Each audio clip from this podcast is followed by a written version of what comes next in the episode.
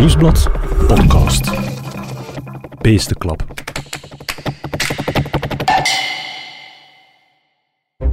Welkom bij Beestenklap, een podcast over pratende dieren. Nu ja, honden zullen altijd blaffen en vogels zullen altijd fluiten. Maar wat willen ze ons eigenlijk vertellen? Vandaag hebben we het over de meest mysterieuze taal van allemaal, die van de insecten.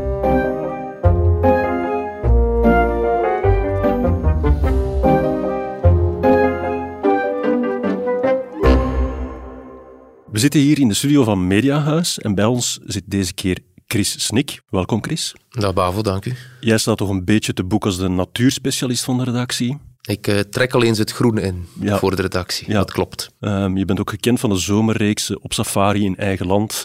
Dus je weet al een en ander over het dierenrijk. Ja, ik heb al wat beestjes gezien. Maar interessant, we hebben het vandaag over een dierentaal die niet echt voor de hand ligt. Die van de insecten. Dat klopt. Ik ben echt zeer benieuwd. Toch, toch is de taler. Ik heb uh, eens geluisterd naar de podcasts van mijn collega's en die hadden altijd een geluidsfragmentje bij, dus ik heb er ook één bij. Misschien moeten we even luisteren naar uh, de taal der insecten. Oké. Okay. Chris, het lijkt een beetje een technische fout. Ik heb niks gehoord. Serieus? Ik ook niet. nee, maar toch wordt er heel veel gepraat rond ons. En dat is misschien ook de reden waarom veel mensen zo weinig weten over de taal der insecten, omdat het, uh, ja, we horen het amper, zien het amper, ja. Maar toch is het er. Dat maakt het eigenlijk dubbel interessant. We hebben honden gehad, katten en vogels, maar mensen die geen huisdieren in huis hebben, hebben er toch honderden in hun tuin zitten, namelijk die insecten dan. Zeker, eh, ik zou zelfs zeggen duizenden. Uw tuin is eh, de markt van Marrakesh. Um, op alle mogelijke manieren um, communiceren ze maar misschien moeten we beginnen met de bekendste voor ons als mens: geluid. Laten we luisteren.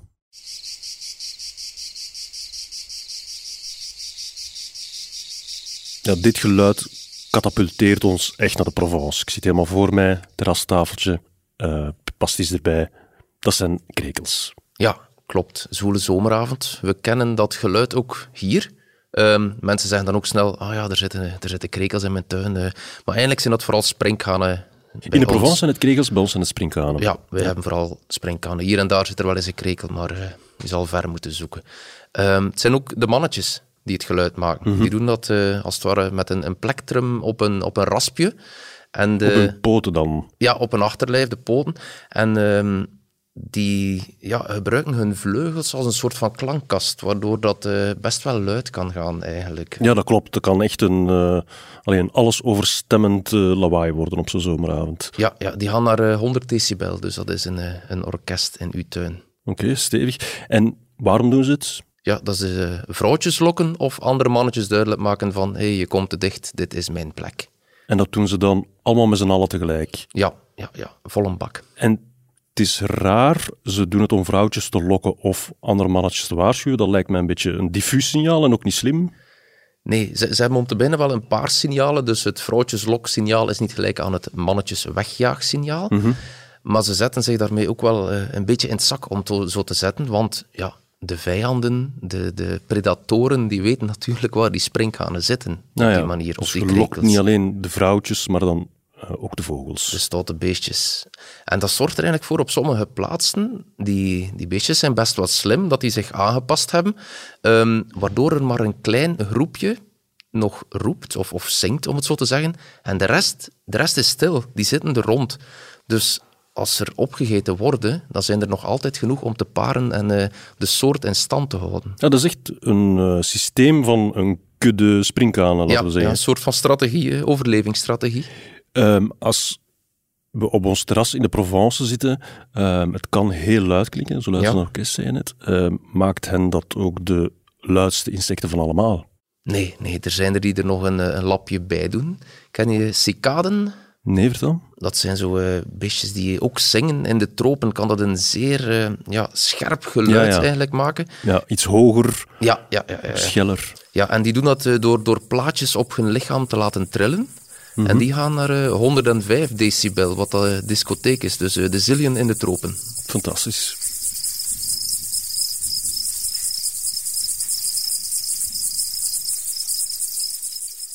Dat is inderdaad gigantisch luid. Gelukkig geen cicade in de Provence, denk ik dan, en ook niet in mijn tuin.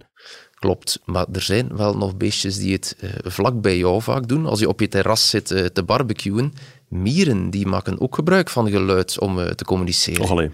Ja, ja, ja, die doen dat ook met die stridulatie, wat eigenlijk het moeilijk woord is voor wat de krekels en de sprinkhanen doen. Nu is een beetje ja, kloppen op een achterlijf. En die die gebruiken dat in zeer specifieke situaties eigenlijk. Als een mier vast komt te zitten onder een, een zand- of grondhoopje, dan slaat hij alarm. En dan komen de vriendinnetjes dan, want mieren zijn vooral vrouwtjes, om die te helpen. Het is een beetje zoals uh, mensen die gaan skiën met zo'n fancy, dure jas en dan in een lawine de rest kunnen roepen om te helpen. Dat er zo'n uh, lawinealarmpje ja, afgaat, ja, ja, ja, klopt. En is het iets dat wij ook kunnen horen, dat zouden kunnen horen? In, nee, nee, nee, veel te stil. En zelfs niet in een, in een labo-situatie? Zou je, is het hoorbaar voor de mens? Dat zullen ze daar wel gehoord hebben, want uh, anders zouden we het niet weten in Bavo. Dat is waar. Goed gezien, Chris.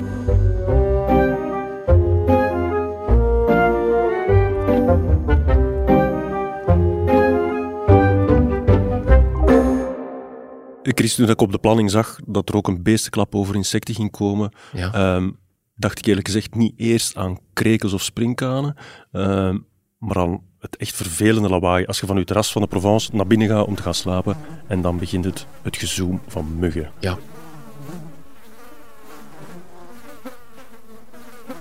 Weten we daar iets over? Wel, ik moet toegeven, ik wist daar eerst niets over. Ik dacht dat is gewoon het hoefgetrappel van een paard, maar dan bij muggen die afkomen. Dat het de, de beweging van de vleugels, dat dat voor het gezoem zorgt. Ja, maar blijkbaar is dat ook communicatie. Um, wanneer opereren muggen het vaakst? Wanneer zijn ze actief? S'nachts. Ja, en dan is het? Nacht. Donker. Sorry. oh. Dus ze kunnen elkaar uh, niet zien. Uh, mannetje en vrouwtje kunnen elkaar moeilijk vinden. Dus uh, gebruiken ze dat gezoom ook om, ja, om elkaar te vinden. Om, om te paren en eigenlijk de soort in stand te houden.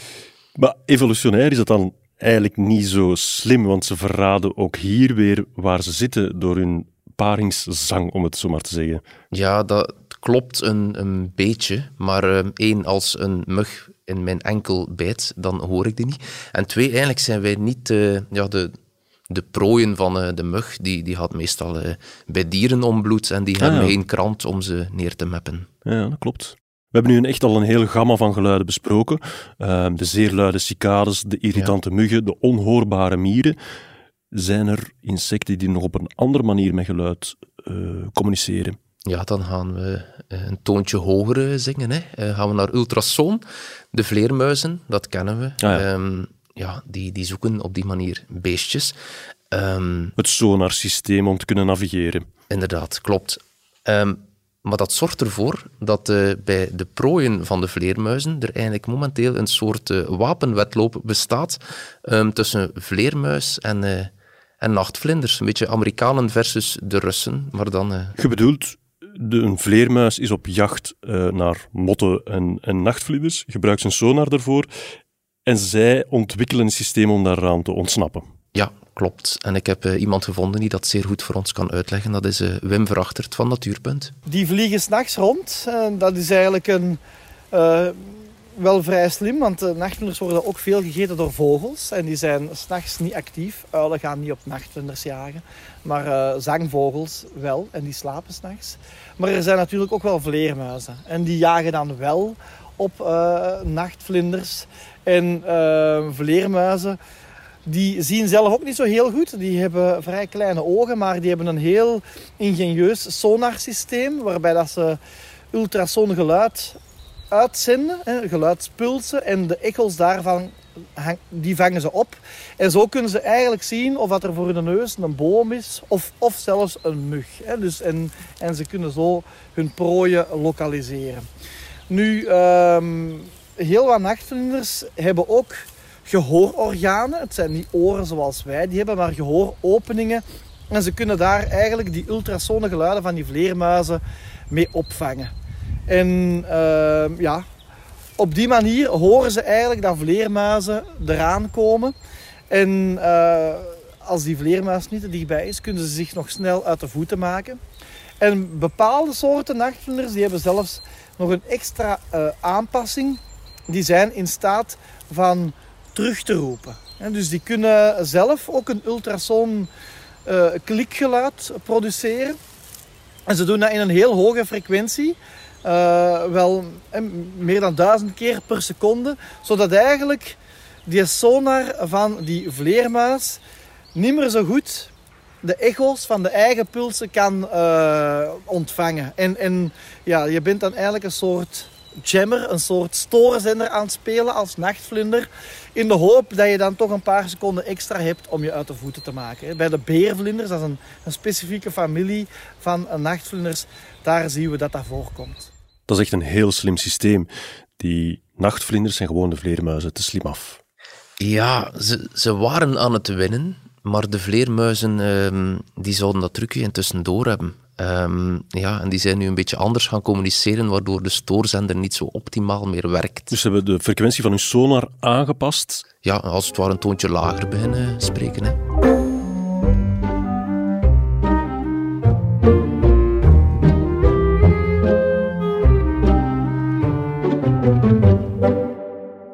Zijn dus toch een flink aantal insecten die geluid gebruiken om te communiceren. Klopt. De stilte die we in het begin gehoord hebben, doet mij vermoeden dat ze ook op een hele hoop andere manieren uh, proberen met elkaar uh, ja, in contact te komen. Ik ben naar u aan het kijken, Bavo. Je bent je handen aan het bewegen. Mm -hmm. Insecten doen dat ook. Zeer veel gebruik maken van, de, van bewegingen. Gebarentaal.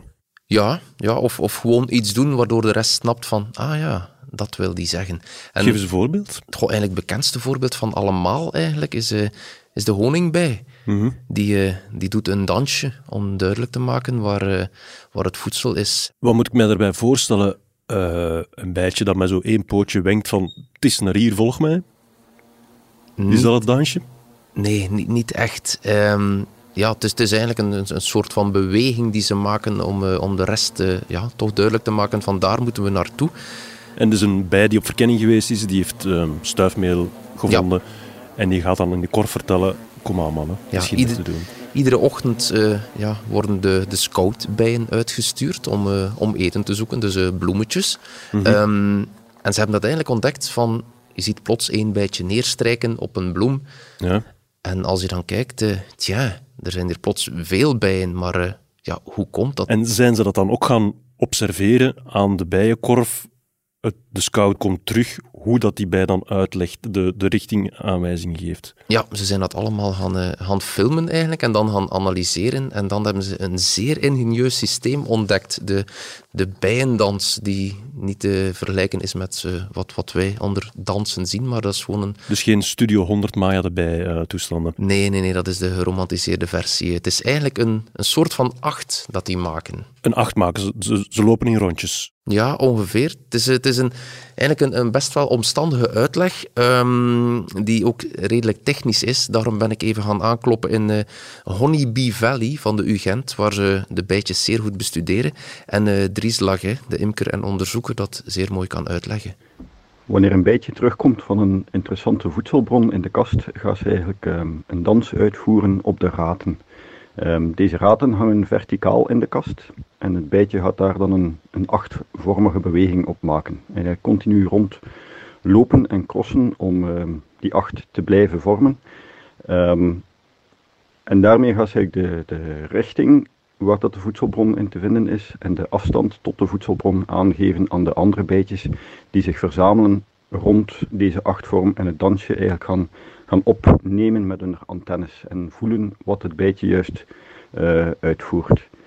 Ik kan eigenlijk ja, een beetje inbeelden, de ramen hangen verticaal. Mocht het bijtje nu de achtvorm uitvoeren, waarbij dat ze in het midden telkens van boven naar beneden loopt, um, dan wil dat zeggen dat eigenlijk de voedselbron weg van de zon ligt. Dus een bijtje dat dan de dans heeft opgepikt, goed gevolgd heeft, kan daarna de kast verlaten en eigenlijk zien waar dat de zon staat aan de hemel en in de tegenovergestelde richting vliegen om de voedselbron te gaan zoeken.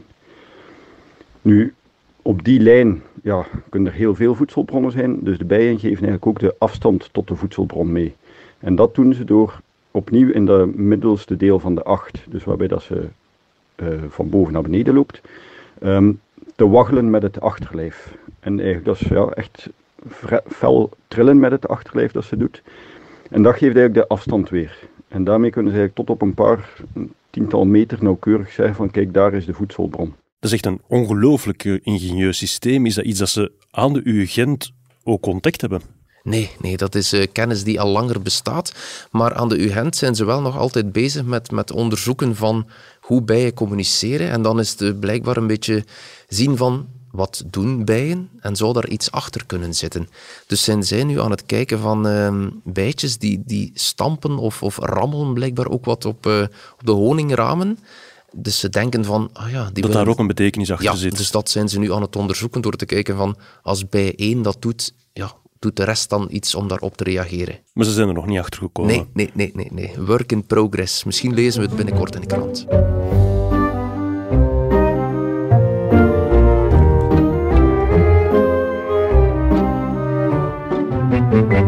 Die dansjes, zien we dat ook bij andere insecten? Ja, ik wil nog een zijsprongetje maken naar de spinnen, wat technisch gezien geen insecten zijn. Maar klopt, klopt. Ja, ja, ja. Het, is, het is te mooi om het niet te vertellen. Um, we hebben hier in België zoiets als de wolfspin.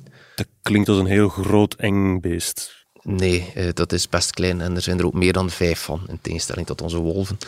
Um, maar eigenlijk, als die het, uh, als het mannetje het vrouwtje wil versieren, dan zwaait hij ernaar met zijn voorpootjes. Ja, ja, ja, ja. Um, ja, het is eigenlijk een aanrader om op YouTube eens te gaan zoeken. En is dit een courante spin in ons land? De wolfspin zit hier inderdaad... Uh, ja, toen ik met Wim verachterd was gaan wandelen en hij even in het gras met zijn netje ging, dan hebben we een wolfspin gevonden ook. Dus, uh, en heeft ze gezwaaid naar u?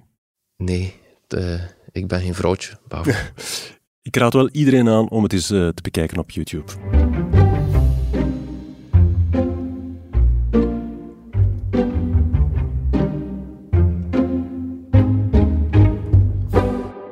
We hebben de geluiden gehad um, en ook de gebaren van heel subtiele, uh, ingenieuze systemen tot gewoon het ja. grappige zwaaien. Ja. Wat is dan de derde manier van communiceren van insecten? Dat is eigenlijk werken, uh, werken met geuren. Um, iets wat, wat veel dieren doen. Mhm. Mm -hmm. Iets wat wij mensen ook vaak proberen. En dan moeten we een pulletje akse kopen, um, omdat daar stofjes in zitten om vrouwtjes mee te lokken. Um, maar insecten kunnen dat uit zichzelf. Um, die gebruiken pheromonen. Dat is een woord dat zeer vaak terugkomt dan. Ja, dat hebben we inderdaad in de vorige afleveringen ook al een aantal keer op tafel gehad. Het zijn hormoonafscheidingen. Mm -hmm niet of nauwelijks te detecteren voor de mens, nee. maar onderling um, zorgt dat voor aantrekking van het andere geslacht. Ja, klopt. En uh, ze zijn gelukkig ook zo slim dat ze elk hun eigen feromoontje als het ware hebben, want anders als beestje A daar direct uh, honderd verschillende soorten mee lokt, dan, uh, dan werkt het ook niet. Ja, dat klinkt logisch. Ja, ja, ja. Um, en de ene soort is er ook al wat meer gespecialiseerd in dan de andere, elk om zijn eigen reden. En de nachtvlinders, dat zijn eigenlijk de, toch wel de kraks, als we het zo mogen zeggen, bij de insecten. En waarom precies? Ja, omdat die uh, van zeer ver eigenlijk al uh, de geur kunnen gebruiken. Die hebben zeer sterke pheromonen. En uh, Wim van Natuurpunt is, is een beetje specialist nachtvlinder. Mm -hmm. um, en die, die legt dat even uit voor ons. Bij nachtvlinders heb je ja, heel veel soorten die uiteraard in het donker vliegen. Dat maakt het nog moeilijker van elkaar te vinden. Hè. Die, die beestjes hebben wel ogen waar ze een beetje mee kunnen zien, zodat ze niet tegen een boom vliegen s'nachts. Maar om nu een partner te gaan zoeken in donker, dat is zeker niet evident. En uh, bij heel veel soorten is het zo dat het vrouwtje stil zit op een, op, tegen een boom of zo. Die verspreidt een soort van geurstoffen. En de mannetjes vliegen rond en die hebben van die heel opvallende voelsprieten. Dat zijn precies pluimpjes. En ja, die fungeren eigenlijk als neus. Dus uh, ze gaan dan die geurstoffen van die vrouwtjes uh, oppikken. En op die manier kunnen ze eigenlijk de vrouwtjes op heel korte tijd uh, vinden. En bij, bij de, de kleine nachtbouwoog is vastgesteld dat dat zelfs tot op 10 kilometer kan werken. Nu, bij heel veel soorten zal dat werken tot op uh, een paar honderd meter of, of, of 1, 2 kilometer. Als ik het goed begrijp, zijn voelsprieten um, geen instrumenten voor tactiele waarneming, maar voor geuren. Ja, dat, dat klopt. Ik dacht ook lang dat dat gewoon ja, voelen was, maar dat is... Dat is en bij eigenlijk... vlinders is de voelspriet, zijn de voelsprieten de fungeren die als neus. Ja, ja, ja klopt. En, en zoals is dat bij andere insecten ook zo? Doorgaans zijn voelsprieten neuzen, ja. ja. ja. Um, Wim heeft het hier ook over, over die kleine nachtpauwoog. En er is ook een reden waarom dat die eigenlijk zo, zo straf is in het, uh, in het ruiken van uh, ja, waar het vrouwtje zit. Ja. Um, die leeft maar een paar dagen en die heeft geen mond. Dus als rups vreet hij zich vol en dan wordt die... Hoe vreet hij zich dan vol als hij geen mond heeft? Ja, maar als rups heeft hij wel een mond, maar als nachtvlinder niet meer. Dus die begint te leven met een, vol, ja, een volle batterij, Ja. die elke seconde een beetje meer leeg loopt. Dus als je maar een paar dagen hebt, uh, Om je te- voor te planten? dan kun je best zien dat hij redelijk snel weet waar het vrouwtje in kwestie zit.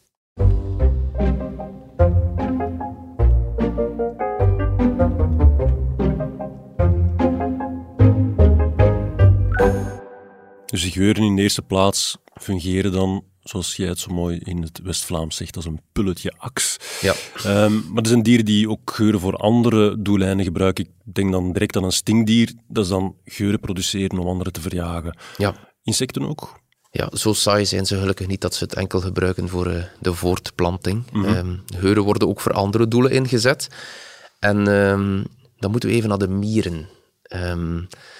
Die hebben we daarnet al gehoord met het, het trommelen, maar die Ja. hebben eigenlijk best wel een arsenaal aan communicatie en, en geur speelt daar een zeer belangrijke rol in. Dat moet ook, want ja, die hebben soms volkeren van eh 10.000 eh, miertjes. Als je dat een beetje wil geordend laten verlopen, dan moet, eh, moet je veel praten met elkaar. Hè. En daar gebruiken ze dan die geuren voor. Ja, ken je dat typische beeld? En dan kunnen we misschien wel nog eens naar Studio 100 gaan van lange rijen mieren die dan met blaadjes op de rug naar het nest zeulen. Ja, ja, tuurlijk. Ja, in het echt heb je dat mogelijk ook al gezien.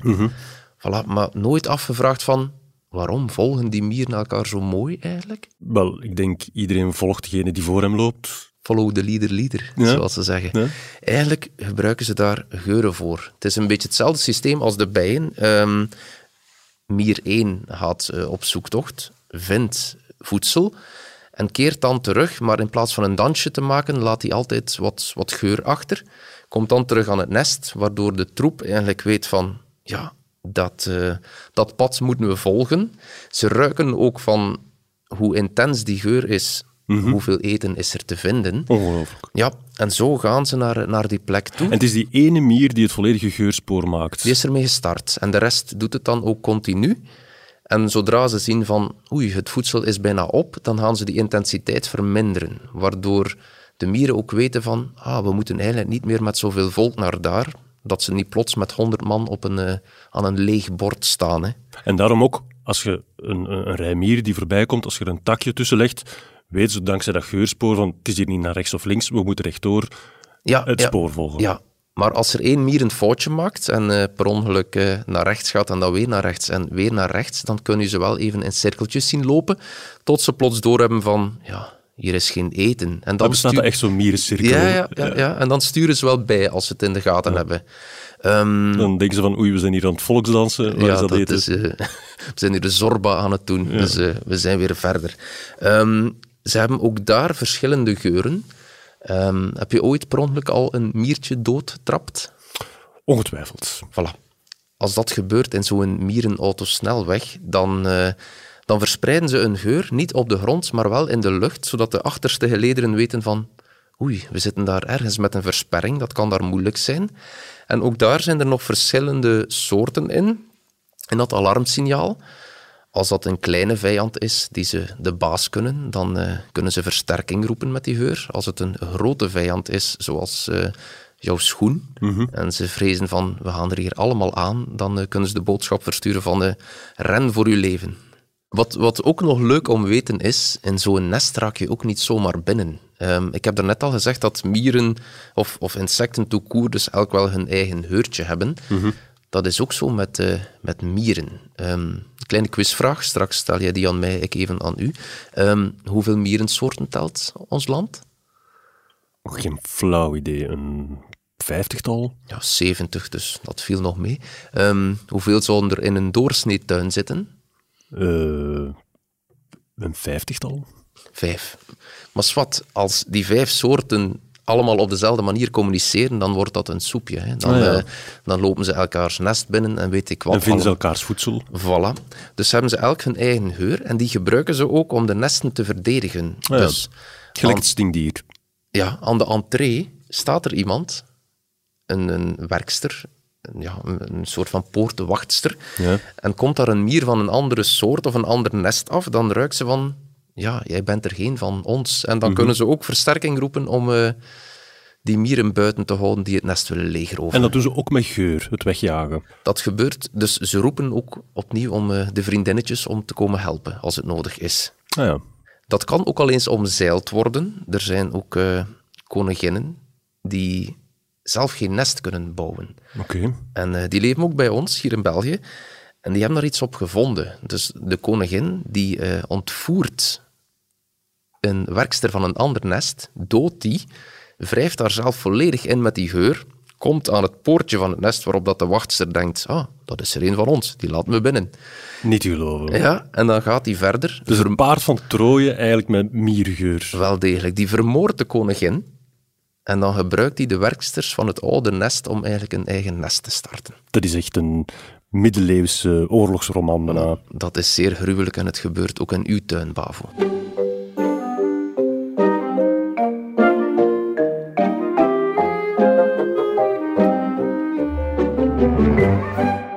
Dit gaat er echt voor zorgen dat je op een andere manier gaat kijken naar mieren als je ze ziet lopen in de tuin. Klopt. Zijn er nog van die slimmerikken of van die snoodaards? Goh, eigenlijk voor mij de, de mooiste manier van communiceren bij insecten heb ik gelukkig eh, voor die safari-reeks eh, een jaar of twee Voor de geleden... bedoel je? Ja, inderdaad, twee jaar geleden gezien. Communiceren met licht. Oké. Dat zijn de glimwormen. Ja, de vuurvliegjes. Ehm, die Is hebben er een verschil tussen vuurvliegjes en glimwormen? Nee, dat is, ja, wij zeggen vuurvliegjes, maar ik denk technisch gezien dat het glimwormen zijn. Ehm, we hebben die in België. En eh, die, die gebruiken dat lichtje ook met, met enkele zeer goede redenen. Weet je eigenlijk hoe dat ze dat licht produceren? Ja, dat is een soort van fluoriserende stof, een, een of andere chemische verbinding die ze... Die in hun lichaam Ja, zit. ja, ja, ja, ja. En ehm, de vuurvliegjes die je ziet, dat zijn de mannetjes, degenen die rond, eh, rondvliegen. En ehm, die, die vliegen rond en die gaan op zoek, s'avonds uh, bij de schemering, naar lichtjes op de grond. En dat zijn de vrouwtjes die als het ware met een, een kaarsje zitten te wachten op het mannetje. Ze geven allebei licht, Ja, maar het zijn de mannetjes die rondvliegen en de vrouwtjes zitten in het gras. die zitten beneden aan een lampje. Waar hebben we dat nog gehoord? En die kunnen ook niet vliegen. Vandaar zitten die daar te wachten. Um, maar wij hebben één soort die zo rondvliegt. In andere landen bestaan er nog veel meer. De onze hebben één lichtje. Maar zoals daarnet met de, de mieren en de geur, ja, verschillende soorten moeten anders communiceren. Dus er zijn er ook die met codes werken, die zo'n beetje een soort van morsecode, zo wat pinken zo. Um, Zwaailichtjes. Ja, zoiets. Ja. Vuurvliegje A is uh, ploep, ploep, ploep. En de andere is een, langere, een lang lichtje en een kort. Zodanig dat ze niet bij het verkeerde vrouwtje landen. Al zijn er ook wel enkele heilaards die gewoon uh, licht zien en denken, drop af. Um, en ook hier is er sprake soms van enige misleiding. Ja. Um, dat lichtje gebruiken ze ook om uh, andere dieren duidelijk te maken van wij zijn niet lekker. Dat ziet er nu ook niet direct iets uit om op te eten. Mhm. Mm -hmm. De gele kleuren zijn binnen de dierenwereld niet de, de meest smakelijke kleuren. Uh. Mm -hmm. Maar hoe doen de glimwormen het dan, de misleiding? Dus ze hebben uh, dat fluolichtje. Ze hebben ook een soort van, van bittere smaak, waardoor als er dan toch uh, een, een vleermuis of vogeltje denkt, we zullen die opeten, dan ze denken, mm -hmm. dat gaan we geen tweede keer proberen. Um, maar er is ook een soort die dat niet kan aanmaken. Um, dat, dat bitter smaakje. Mhm. Mm -hmm. En die vrouwtjes, die, uh, die hebben intussen door dat ze andere mannetjes moeten lokken die wel dat stofje hebben. En die imiteren die hun code. Ah, dus die ze, doen... ze lokken een uh, mannetje van een andere soort. Ja. Om dan vervolgens... Om dan op te eten. En dan dan kunnen ze die uh, doorgeven aan hun eitjes. Dus die, uh, die imiteren de code van een andere soort, waardoor dat die mannetjes denken, hé, hey, daar zit een vrouwtje van mij. Dan komt die aan, landt die meestal in een spinnenwebje, want ook zo sluw zijn die nog. Dat zijn de femme fatales onder de vuurvliegjes. En die dan, gaan uh, naast de spinnenweb zitten om een mannetje te lokken, om op te eten. En alleen maar zijn gifstoffen te pakken. Het is een vrede wereld. Het is een vrede. Het is bijna zo slim als de mierenkoningin. Dat klopt, Bavo. Maar uh, ik denk, moesten we een lijstje maken met uh, ja, de, de, meest, de grootste misleiders onder, onder de insecten, dat er eentje nog wat hoger komt te staan. En dat is een vlindertje. De, het Gentiaanblauwtje. Dat leeft hier ook. Wim van Natuurpunt... Um, doet het uit de doeken voor ons. Het Gentiaanblauwtje is een, een heel speciaal vlindertje dat in ons land nog maar op een beperkt aantal locaties voorkomt. In natte heidegebieden, waar een specifieke plant groeit, de klokjesgentiaan. En ehm, dat vlindertje heeft een heel complexe leefwijze. Dat leeft niet alleen van die plant. Als rups eet dat eigenlijk van die bloemknopjes. Maar als die rups een paar dagen gegeten heeft, dan begeeft dat zich naar de grond. En ehm, daar probeert het eigenlijk mieren te misleiden. Niet eender welke mier, het moeten nog eens de juiste mieren zijn, steekmieren. En die rups, die, die ziet er al ja, een beetje gek uit. Die heeft zo geen opvallende pootjes. Die verspreidt ook piepgeluidjes. Die lijken op geluiden die ook de larven van die mieren uh, voortbrengen. En op die manier uh, doet die rups zich eigenlijk voor als een mierenlarve die daar opeens ligt. En de mieren die daar passeren en die die rups dan vinden, die denken oei, die is per ongeluk uit het nest geraakt. Hoe komt dat nu? En die nemen die dan mee naar hun nest. En ehm, daar leeft die rups verder. En ja, die wordt meegevoed door die mieren die dus de hele tijd voedsel uh, verzamelen. Ja, de rups wordt dan uiteindelijk een pop. Uh, nog altijd in dat mierennest. En dan kruipt er uit die pop een blauw vlindertje. En ja, dan hebben de mieren natuurlijk wel gezien dat ze eh, in het ootje genomen zijn. En dat vlindertje kruipt dan eigenlijk zo snel mogelijk naar buiten om daar zijn vleugeltjes te laten drogen. Dat is een beetje als de koekoek die zijn eieren in andermans nest gaat leggen, maar dan duizenden keren slimmer. Inderdaad, en dan moet uh, dat jong nog het geluk hebben dat hij rap weg kan vliegen voor de zeer boze mieren. Chris, je hebt ons uitgelegd dat binnen soorten, zoals binnen de miersoort of binnen de nachtvlinders of de glimwormen, dat er verschillende talen bestaan. Um, hoe zit het eigenlijk met insecten onderling? Begrijpt een bij iets van de communicatie van een mier of heeft een mug iets aan de communicatie van een springkaan, ik zeg maar iets? Doorgaans uh, begrijpen ze alleen hun eigen communicatie, omdat die dieren die hebben een, een leven met zeer duidelijke doelen. Dat is mm -hmm. oftewel zich voortplanten ofwel zorgen dat ze eten vinden. Dus wij mensen maken graag een praatje met iemand anders. Wij hebben daar tijd voor. Zij doorgaans niet. Mm -hmm. um, maar er zijn er wel die toch één, de code lezen van, van anderen, omdat ze erop parasiteren, omdat ze ah ja, eitjes, ja, eitjes van een, ja, vlindertjes of zo, die eitjes van een andere soort nodig hebben, of van die kleine wespjes, om daar dan in te parasiteren, of hetzelfde met, die, met dat Gentiaans ja, blauwtje. Um, maar er zijn er ook die uh, communiceren met bomen. Dat is een, een verhaal dat, uh, dat plots op uh, de proppen kwam toen ik met Wim van Natuurpunt door dat gebied aan het wandelen was. En Jullie er... zagen dieren communiceren met bomen? Nee, er, er vloog plots een uh, sluipwespje voorbij. En toen kwam het verhaal. Ah, hier vliegt een sluipwespje voorbij. En dat is een, sluipwespen zijn beesten die eigenlijk parasiteren op uh, andere insecten. En bijvoorbeeld op rupsen van nachtvlinders. En daar zie je ook een heel bijzondere vorm van communicatie. Uh, het is namelijk zo dat planten ook op bepaalde manieren signalen uitzenden. Uh, bijvoorbeeld bomen waarbij er aan de blaadjes geknabbeld wordt. Die bladeren die uh, produceren dan afweerstoffen. En um, ja, dat komt eigenlijk ook in de lucht terecht. Dus dat is een manier waarop de boom aan, ook aan soortgenoten kan aangeven van kijk, er wordt aan mij geknabbeld. Maken jullie in de buurt ook al maar wat extra afweerstoffen aan. Maar sluipwespen, die kunnen diezelfde uh, chemische signalen van die boom oppikken.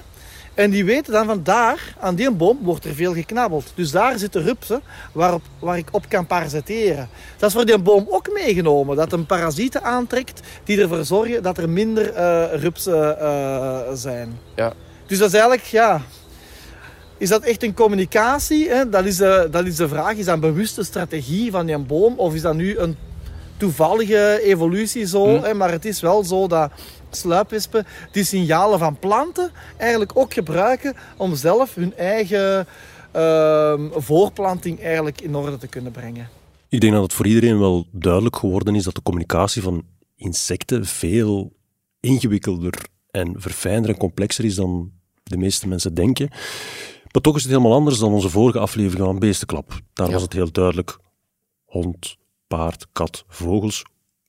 die hebben ook een relatie met de mens. Daar kan je op, tot op zekere hoogte ook zelf mee communiceren. Mhm. Dat is bij insecten niet mogelijk. Heel misschien toch een klein beetje. Heb je ooit al eens een lieve heersbeestje in je handen genomen? Uiteraard. En? Iets gemerkt? Nee. Alleen aan uw handen geroken dan? Nee? Dat stinkt verschrikkelijk. Echt waar? Ja, Ik weet dat wansen, dat die Ja, ook.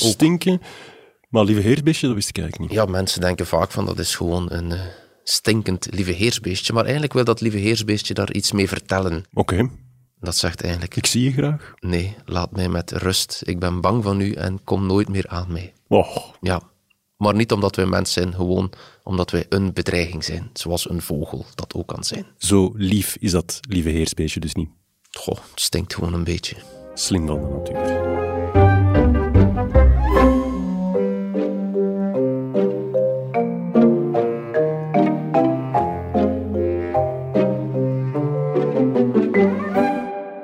Chris, ik vond het een super interessante aflevering. Dank Echt, u. eh, heel veel bijgeleerd.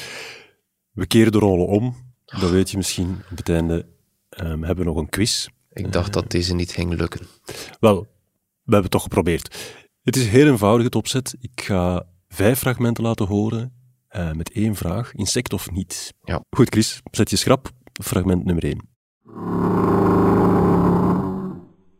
Eh, insect? Nee, Chris, helaas geen insect. Het is ietsje groter. Het is een stegosaurus. Een eh, dinosaurus. Ehm, ze hebben ooit op basis van de bouw van de klankkast dit geluid kunnen reproduceren. Ik denk dat iedereen mij het zal vergeven dat ik dat beest niet herken. Goed, fragment nummer twee.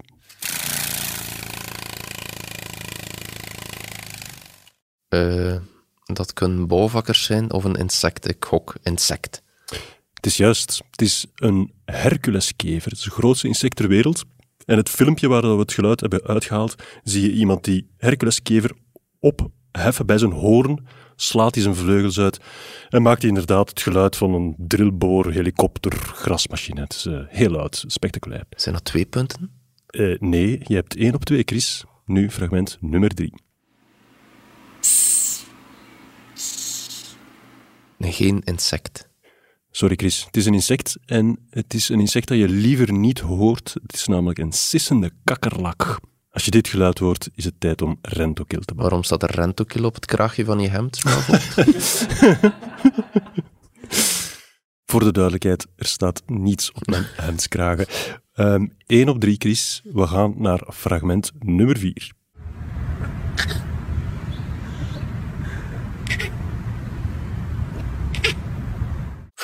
Geen insect. Het is inderdaad geen insect. Dit ongelooflijk schattige geluidje is een leeuwenwelpje dat voor het eerst probeert te brullen. Het lijkt zo een- een babytje. Je hebt nu 2 op 4. Ja. Laatste fragment. De kans op de eerredder. Laten we luisteren.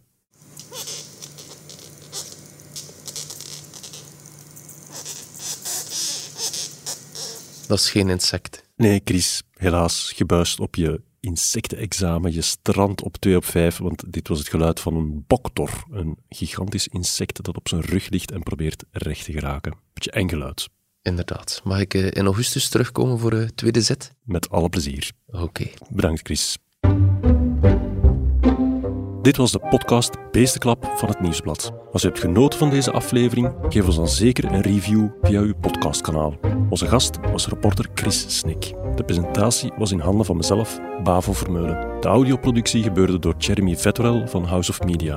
De eindredactie was in handen van Eva Michom en Bert Heijvaart. Speciale dank gaat uit naar Dries Laget en Wim Verachtert. Hebt u de andere podcast van het Nieuwsblad al ontdekt? Op uw podcastkanaal vindt u ook Stemmen van Assise, Shotcast, Koninklijk Bloed en De Koers is van ons.